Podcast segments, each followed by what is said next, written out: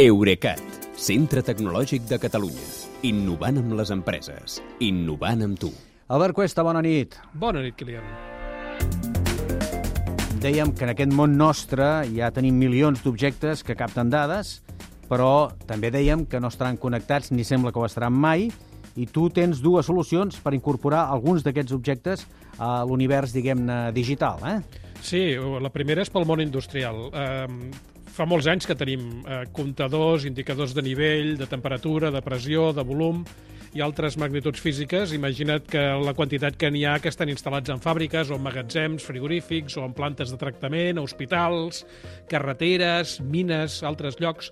Eh, són indicadors que poden ser analògics, d'aquells que són com un rellotge amb una escala rodona i una Sí, agulla, sí. però també poden ser digitals però que no estiguin connectats al lloc i en qualsevol cas cal que un operari vagi passant periòdicament per allà a llegir-los per confirmar que tot va bé Amb, o no. I... amb la carpeteta i apuntant allà. Ah, i això. efectivament, sí. Uh, doncs l'empresa japonesa Lils, uh, L-I-L-Z, té una solució per facilitar el procés de lectura d'aquestes dades d'instruments antics i incorporar-les als taulers de comandament moderns, que són digitals. És una càmera connectada que s'instal·la al davant de cada mesurador, en capta la imatge tan sovint com calgui, la interpreta amb intel·ligència artificial, o sigui que fa la lectura, i transmet la informació al núvol amb una targeta SIM que em porta incorporada. Mm -hmm. Doncs aquesta seria la primera. Uh -huh.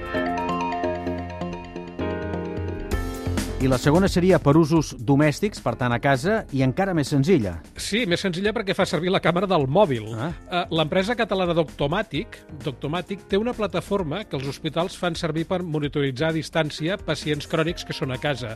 Però s'han trobat que la majoria tenen a casa, o tenim, termòmetres, bàscules, tensiòmetres, glucòmetres i pulsioxímetres que no són connectats que són anteriors a la internet de les coses, diguéssim. Uh -huh. Aleshores, el pacient que fa? Uh, fotografia la pantalla de l'aparell amb una aplicació mòbil i aquesta aplicació tradueix el que veu a dades i envia aquestes dades directament a la història clínica del pacient perquè el metge les pugui interpretar. Home, això és un pas endavant important, eh? Jo crec que sí.